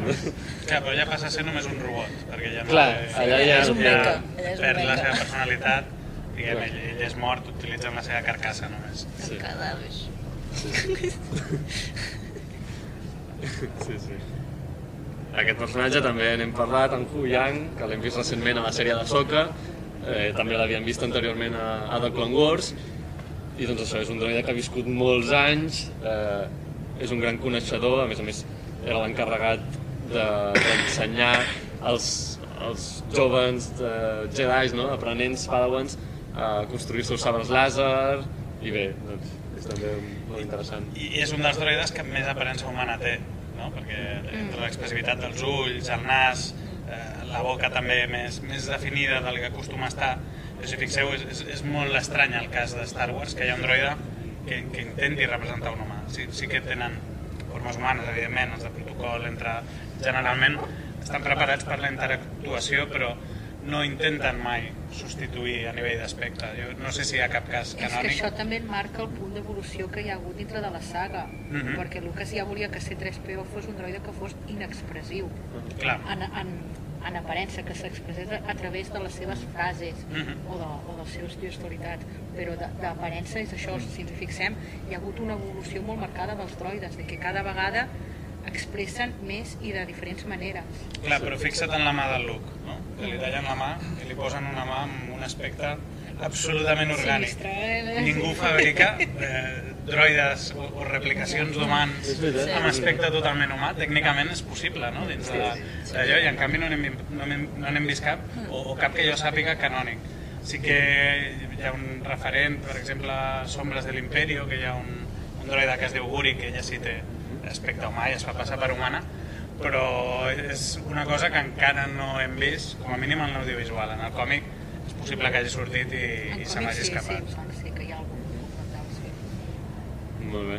Eh, També, ara que has dit això de, de, el cas d'en C3PO, que d'aspecte és totalment inexpressiu, mm, perquè no, no, no té eh, mobilitat a la boca, però en canvi, com aconsegueix expressar Sí, emocions, sí, eh? sí, que encara sí. més mèrit, vull dir, perquè... Que... Que en Joyang ens va quedar clar quan, quan veu que, que ha perdut a, a la xoca, amb el seu moviment dels ulls, la, Sí. la tristor, tan sols encongint la llum dels ulls, li, li, li notaves la, aquella tristor. No? I, hòstia, en poc Totalment. aconsegueixen reflectir el sentiment d'en Joyang. Sí, Sí, és que li han posat un recurs que, que realment li ha donat molta més expressivitat, no? Eh, que, que ell no depèn només de la paraula del gest, Que sinó ja, que té una, ja una mostra. amb la solemnitat del personatge. Clar, lliga, lliga amb un personatge que, que, que s'ha de relacionar amb els nens i els ha de donar un feedback molt directe de si ho estan fent bé o no, d'allò ha de passar de- d'ensenyar a saber. Clar, té, té molt sentit per al personatge que sigui així, realment. I com comentàveu, tot ajuda a la gran interpretació de D'en Tennant. d'en Tennant, David Tennant. Bé, Lola, eh? no podia faltar. Eh, vols, no sé si vols comentar alguna cosa. Lola va ser el, el gran exemple del droide que es fa pensant en anem a vendre aquest Nadal, anem a vendre Loles. Dir, I vam caure tots com... Sí, vam caure tots, vam dir, vull una Lola. Teniu la Bounty Collection al Carrefour a, a 3,99. No, no, no, no va quallar, em temo. Clar, aquest és un exemple de droide potser no, no tan no sé, no, no tan rellevant comparat amb altres, no? que són molt més... No, però Importants. precisament veiem això, que són droides fabricats amb una funció molt emotiva, molt propera a, a, al posseïdor, la posseïdora en aquest cas. És com, no és un droide de protocol, no és un droide astromecànic per navegar, sinó que és un droide més pensat per cuidar, per fer companyia, per... Pels nens, És un no? és, és, és, Sí, és una mascota, exacte, fins i tot la forma que té, així com d'insecte, que ens recorda... dir- Sí, És perfecte per ser el droide d'una nena petita. sí, exacte. Llavors tenim, doncs, Ai, sí, al- per favor. altres droides que, Per que clar, favor. Els hem vist també en mil i un moments i, i, i, i passen desapercebuts totalment, però és que també és una altra icona de Star Wars. totalment, no? Sí, sí. I clar, així com hi ha els droides que sí que tenen una personalitat molt clara, doncs hi ha altres tipus de droides com els droides ratolí. Que... Però també veiem, eh, interactuar entre Sí, sí, ells, sí. a vegades que et xoquen, a vegades que... Sí, sí, Perquè sí. ningú s'ha s'ha centrat en ells, eh? perquè no, no, no se n'ha parlat prou. Si es pot, potser encara tindríem alguna sorpresa. Eh? Sí, sí, sí, sí, sí. Es podran votar? Home, i els altres... Uns altres mites Els gongs. són els gong, no? Aquest és el que torturen, eh? Sí, és Sí, veritat. aquest és el, exacte, és el que... Sí, sí. Va quedar, jo, traumatitzada d'aquella escena. És pitjor que E.T. Són unes escombraries amb cames, però, però en canvi... Sí, clar, bateria, sí, sí, sí, sí. La utilitat que tenen. Sí, sí, és allò que no tens bateria al mòbil, busca un gong. Hi ha la versió llarga també, hi ha, Sí, hi ha llarg és com, És portàtil, menys portàtil. Sí. I de Bad Batch ens va donar un gonki, el gonki, que és el, el gong tots així, que tots estimem. Altres Bueno, les droides meves amigues. mítics. Ostres, realment, um, oh, és que són, vull dir, Sí, no, no. uf, quan et pares a llegir com està fabricat aquest droide i tot el que porta, dius, però quina ment malvada ha imaginat aquest tipus d'aparell, que ningú no el construeixi, per favor, perquè va super equipat amb tota mena d'artilugis per torturar, maltractar i, i, i provocar dolor. És És impressionant. el que associaries al, al futur exèrcit nazi si no haguessin perdut, no? Sí, sí, no? Sí, sí, I oh. Amb aquest no pots empatitzar, No, els eh? els, realment, quan n'apareix un és un ja està, ja tenim aquí una sonda, ja em Sí, sí. poso nerviosa. Bé, altres tipus de droides, doncs tenim aquests tan simpàtics, droides de reparació. Molt maquis, aquests. Sí. Són, sí, són molt, molt graciosos i quan, quan els hi toca el nas doncs eh, es recullen. I com a exemple individual d'aquests droides, si heu vist de Clone Wars n'hi ha un de, de molt simpàtic, que és aquest, en el 47, de, d'uns capítols que els protagonistes precisament són els droides de- d'aquesta sèrie de capítols. Eh, són uns capítols que són poc rellevants potser per la trama general, però són els favorits de George Lucas, per si no ho sabíeu. A mi m'agrada molt, hi ha molta gent que, A mi també. que no els hi agraden, però jo, jo trobo que són uns capítols genials, Sí, sí. precisament perquè et dona l'oportunitat de fer tots aquests llenguatges no verbals i interaccions d'una altra mena que el- els fan molt, molt particulars. Clar. I aquí sí que els protagonistes són els droides d'aquests capítols. El droide mèdic, mític droide mèdic també que hem vist a, a molts continguts. Aquest també és molt curiós, eh? també mític de, de la porta de- d'en Java, de la manera com parla, no? Sí, també. Ikichuku. D'aquest també l'hem comentat, no?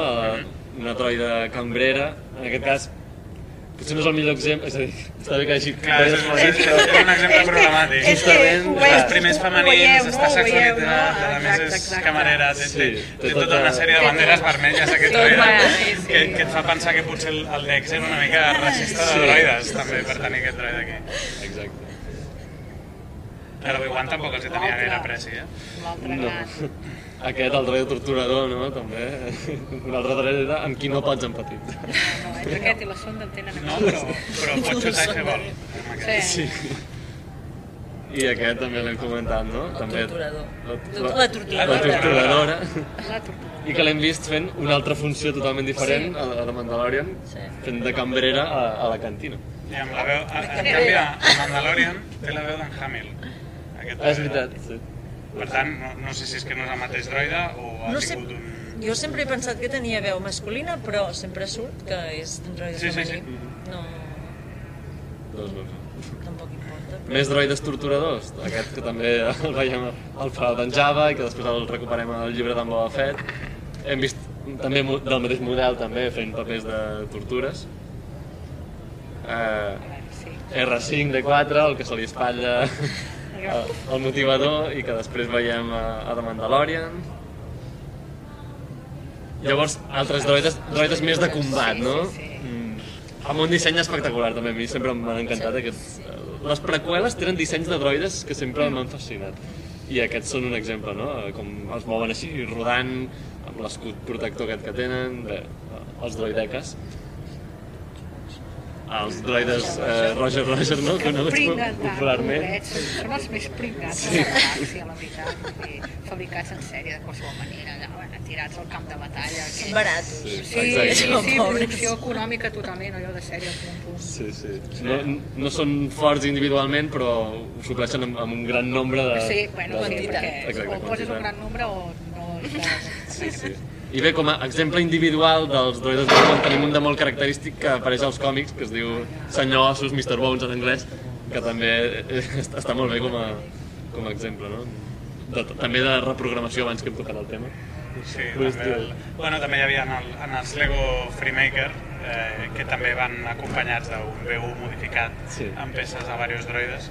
O sigui que allò que dèiem abans, no? un, un B1 eh, en el seu context normalment no té personalitat, però amb el temps i en segons quina companyia doncs acaben sent també droides molt, molt característics i amb una personalitat pròpia forta. Sí, sí. I... Ah, ja està. Ah, no, perdó. Bé, un altre model de droide, tenim el droide de batalla, doncs el superdroide de batalla, no, també. Però, però també amb un disseny molt, molt cap- original. Molt cap quadrats, eh? Vull dir, molt Sí. endavant, endavant, endavant, Sí, sí. endavant. I si s'ha de carregar els altres proves droides que té per Ah, exacte. els apart, els escombra, és igual. Com que són superiors, Sí. aquests disparen amb el braç, no? també és un tret característic. És, és que és curiós com alguns mantenen les tres lleis de la robòtica a rajatabla i en canvi hi ha aquests altres que no tenen cap mena d'escrúpol en, en destruir tot. igual, saps? Vull dir, Sí, sí, sí. Ah, jo, de fet, tant els superdroids com els battledroids Jo els entendria més com robots, no? No, perquè, perquè veiem que amb el temps sí que tenen personalitat, però que al final neixen de la necessitat de que eh, en la saga anterior teníem pocs Jedis que mataven pocos malos i ara tenim uns protagonistes que suposa que són superbons els Jedis i tal i que s'han de carregar 50.000 enemics i si es carreguen 50.000 persones encara que portin una armadura farà lleig. Llavors és com els droides més tal no tens debats És un- com és un recurs. sangren, no sangren amb sable làser. Bueno, aquests no sangren És family friendly. sí, exacte Sí, sí. Altres tipus de droides variats, doncs els droides brunzidors aquests en què es troben a la venjança del Sith. Aquests que també són interessants, els droides voltors, també m'agrada molt el seu disseny, com caminen, com s'enlairen, no? I aquí ja entrem en, el, en un tipus de droide que és el droide nau, en diria jo, no? Exacte, Això és és Cylon, punt eh, mig ja evolutiu. Sí. Això és eh? de Sí. Battlestar Galàctica, això té un estil molt de disseny, molt Cylon, no sé si sou de Battlestar Galàctica Jo ho desconec. però té Ah, un no, no. disseny molt... no sé, vas a que és previ a, Ah, no a la sé. galàctica dels Ja. principis del 2000 però No, la, la moderna. Eh, clar, no, Sí. aquesta s'assembla Sí, amb aquesta, però, amb aquesta.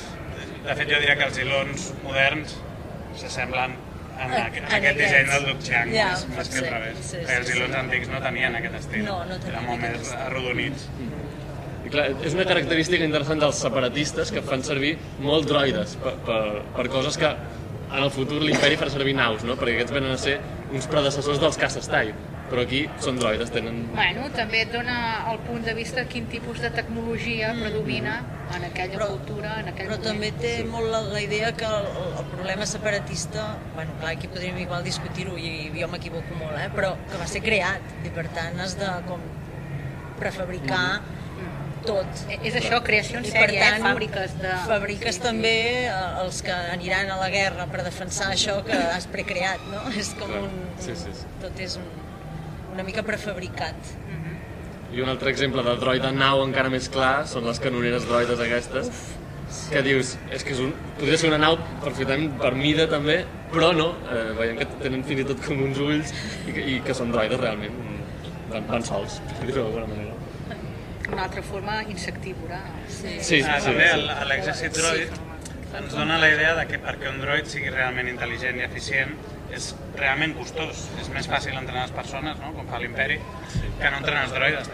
L'exèrcit separatista té droides comandament, no? o els comandodroids, o els droides de comandament, que sí tenen una intel·ligència molt per sobre, fins i tot intel·ligència que, que posa en, en escac els Jedis, però són molt escassos. Per tant, deuen ser molt costosos que un droide arribi a aquells nivells de consciència, fa falta o temps o molts diners perquè tinguin aquest enteniment.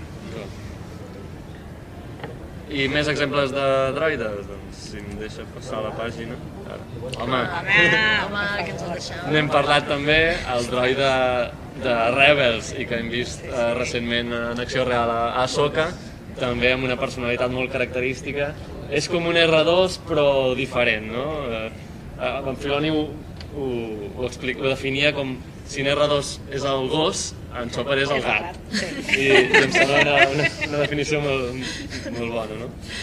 Sí, sí, sí, sí. sí. I bé, no sé què veureu. No, no, és perfecte. No, de fet, justifiquen el, el caràcter de Chopper, el justifiquen pel fet que, que ha estat també moltes vegades no reprogramat, sinó que se l'ha hagut de reparar molt sovint i per tant també ha anat acumulant moltes capes diferents de personalitat fins que arriba un moment doncs, que bueno, és, el, és, és el que és, ell és així i, i ja està. Creieu que amb el temps tindria temps de fer-se prou modificacions, com el cas de L3? El tipus de caràcter que té, jo crec que serien bastant, Sí. bastant bons Clar, són companys, tipus de eh? droides Sí, molt sí. diferents. No sé si sí. astromecànic, o es desprecia directament els humans. Eh? De- de- Sí, que Però en tema, de, en eh? tema de reivindicar drets, jo li veig molt, eh? Ui, els seus. Home, quan li davant del comentari d'un mer droide, mira com volia... Ui, ja l'hagués liat. I bé, també un altre de Rebels és AP5, també d'un model que hem vist molt a, Star Wars, però, però aquest doncs que també té, té certa gràcia, no? I, i la relació... Bé, qui, si heu vist Rebels, doncs ja sabeu. Llavors també, a The Clone Wars hi ha Bad Batch, hi ha també un personatge que és també molt interessant, que és aquest en Easy.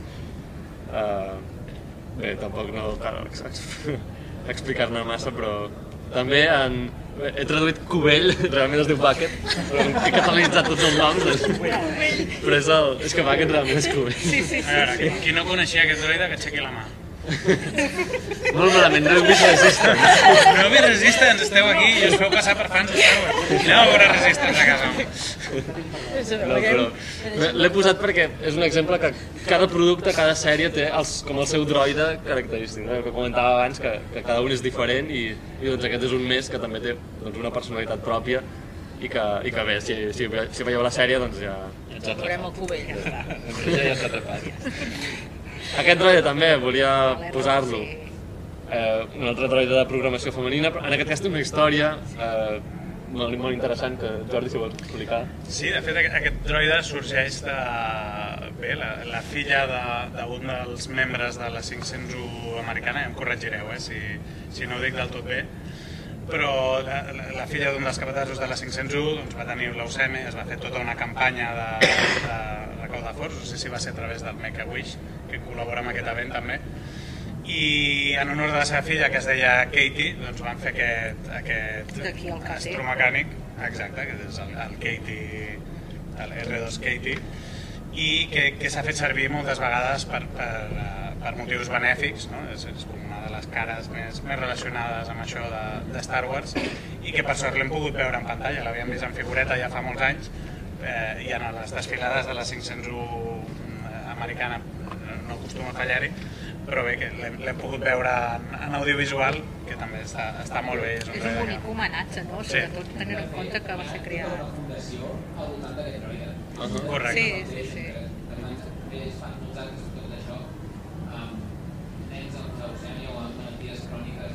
És que ja s'ha ja s'ha convertit en el leitmotiv de la... Clar. Sí, sí, exacte. Està molt bé que és un personatge que no ha nascut en un contingut i llavors s'ha aprofitat per Exacte. això, sinó que ha nascut a fora de, del contingut És un realment. Pasqua, directament. I llavors s'ha incorporat i com veieu a les imatges va aparèixer de Clone Wars i també de fons al despertar de la força. Però aquí te n'adones de que és que ja és, ja, ja és cultura popular. Mhm. Ja no és una simple franquícia de cinemes o de televisió, no? I la integració dintre de, del dia a dia de la gent pues, porta que passin coses així. Sí, sí. Bé, un altre personatge, ara m'ha vingut al cap, que va fer el debut a fora, és en Boba Fett, que va aparèixer en una desfilada i després ja vam veure en el contingut audiovisual. Però havia sortit abans a l'especial. No, primer va ser la Primer va ser la desfilada desfilada i, I després després va ser... El, clar, havia ser. Acció de Gràcies, em sembla que va ser la desfilada, i a l'especial de Nadal, on va aparèixer en el curt animat. És curiós. I bé, hi ha aquest droide que no coneix ningú, però l'he posat simplement perquè m'encanta el seu disseny amb aquest cap transparent. És un droide que apareix a Rock One en algun moment de fons, no sé ni, ni el moment, però, però l'he volgut posar perquè, això, per veure, ja tenim tants dissenys de, de droides que en trobem de meravellosos, no? El que he posat de portada de la xerrada, que també és com un C3PO però blau elèctric, que també que és de l'escena de, precisament del bar de droides de la Mandalorian, i l'he posat perquè m'agrada molt el seu disseny amb aquest color, i aquest doncs, és un altre exemple que també m'agrada molt, amb aquest cap transparent que se li veuen als, als circuits. Bueno, dona l'idea aquesta, no?, que cada sèrie posterior representa que és una millora de la- de l'anterior. Aquest doncs té la cúpula transparent, Clar. els R4 ja seran d'una manera, els R5 ja es modifica el cos, vull dir, aquesta Clar. continuïtat. Per modes, també. Sí, sí. Els mandos de la PlayStation, quan els van fer transparents, també. Sí, és veritat. Sí. Vindria a ser una cosa que... Evolucionen seguint la societat. Això, i jo vaig a les armadures d'Iron Man. Cada armadura no és... A l'anterior he tingut problemes amb no sé quina. Després. Doncs, a la següent, llibre us oi, això potser. Clar. Sí. De R2 i de R3, al final. Clar. Després, bé, un altre droide també eh, interessant és aquest, els Dark Troopers, soldats foscos, eh, que hem, hem vist a, a The Mandalorian, i aquest és, és un droide completament diferent, no? És, està fet per... Màquines de matar. Sí, màquines de matar, bàsicament. Què vols dir? Poca broma amb això. Sí. Sí que fan por. Sí. A més, volen, no? Abans ens Sí, és dels pocs droides que veiem volar, no? El, el, els astromecànics sabem que volen des, de, Des de fa poc. des del 2000, però, però poques vegades veiem un, un antropomòrfic volant. Sí. Això dels encara fa- això encara li dona el punt més terrible, eh? De dir, és que a més a més no en pots fugir perquè et segueix volant. Sí, sí, sí. I bé, també no volíem deixar de banda els còmics.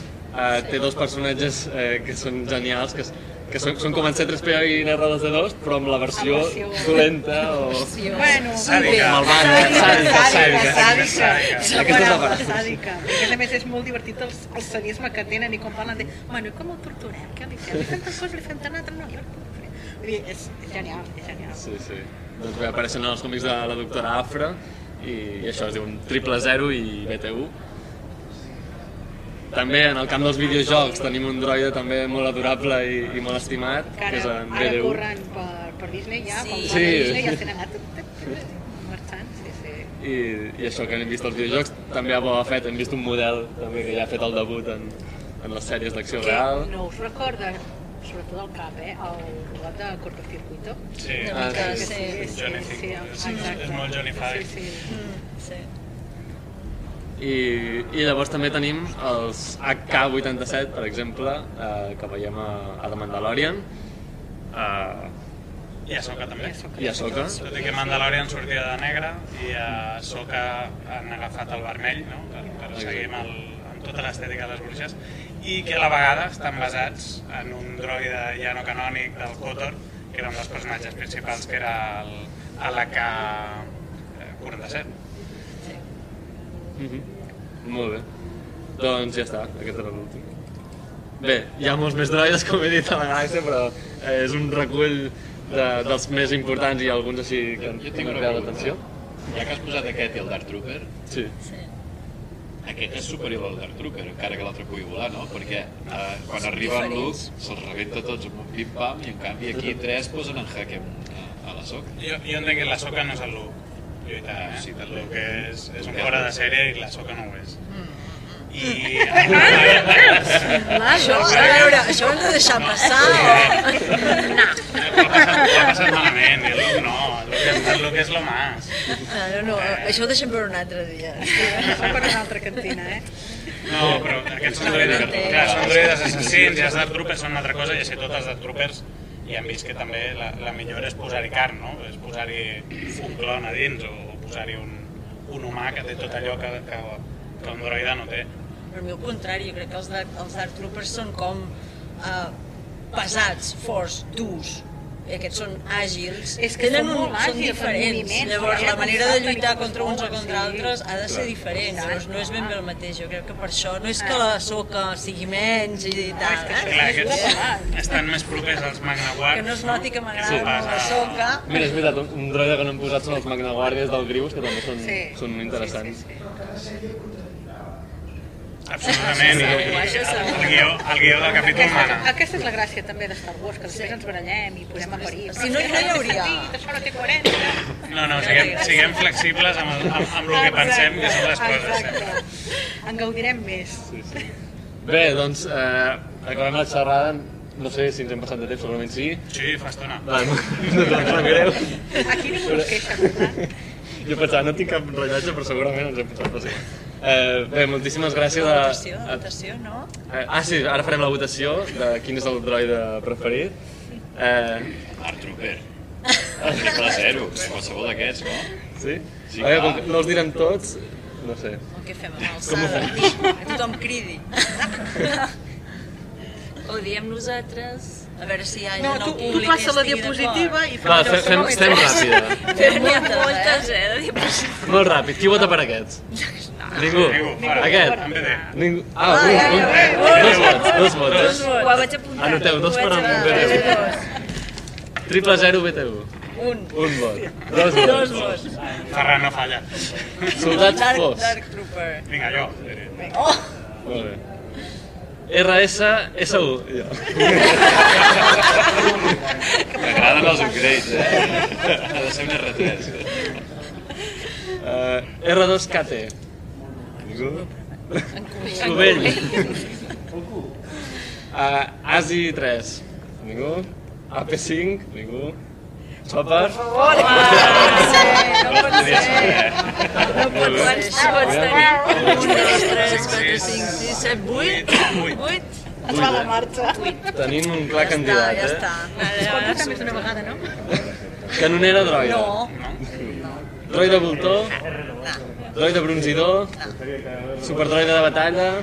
superdroide fan. Senyor Ossos. Droide de batalla. Droideca. R5D4. B, eh, B de 8. Ah, 8 de 8. 9 de 9. Droide d'interrogació. RA7. TT8L. Si algú diu que cridi, eh? Perquè ja droide mèdic. RA47. Droide de reparació, de sonda. Vot negatiu. Gonki. Uh, droide de gong. Ratolí. Lola. Huyeng. Eh, mira, dos vots per a Huyeng. Eh. IG11. Un vot per IG11. Ah! Molt bé. IG88. Eh, B2EMO. No, no té fans. DO. R4 P17. L3. Diu? K2SO. Dos, dos vots. BB8. Jo. Que C3PO. Dos vots per Dos per C3PO. C3PO. R2D2. Un, dos, tres, quatre. Quatre, no? Quatre. Oh, tenim un, un clar vencedor. Sí, sí, sí. sí. Clar guanyador, Chopper.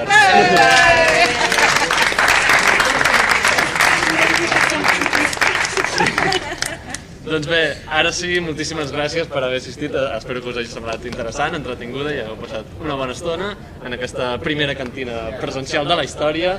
Uh, moltíssimes gràcies als participants, uh, ha estat genial. Hem comentat tot el que tenia anotat i molt més, uh, així que jo m'he passat molt bé, així que espero que vosaltres també. Uh, anava a dir, feu m'agrada si us agrada. Digues, digues. Si aconseguim posar el vídeo, sí. Clar, clar, pels que mireu a YouTube, que m'agrada. I per vosaltres, doncs, si no esteu subscrits al meu canal d'Art Segador, doncs agafeu el mòbil i cerqueu d'Art Segador, subscriu-vos. I, I també als companys del Far Friki, de la Batcova, eh, Jordi Nouwen, que té un podcast de Connexió entre Twin, que Sí, no, no ho ha dit, però... Connexió entre Twin, sí. I, I bé, compreu moltes herbes suncat. Sí, per favor, aixequeu-vos i mireu les etiquetes perquè Ah, realment. Sí, sí, està molt ben trobat, sí, sí, sí. I sobretot si us agrada amb els tés i les infusions fan com a mi. Molt bé. Doncs, doncs res, moltíssimes gràcies novament i que la força us acompanyi sempre i arreu.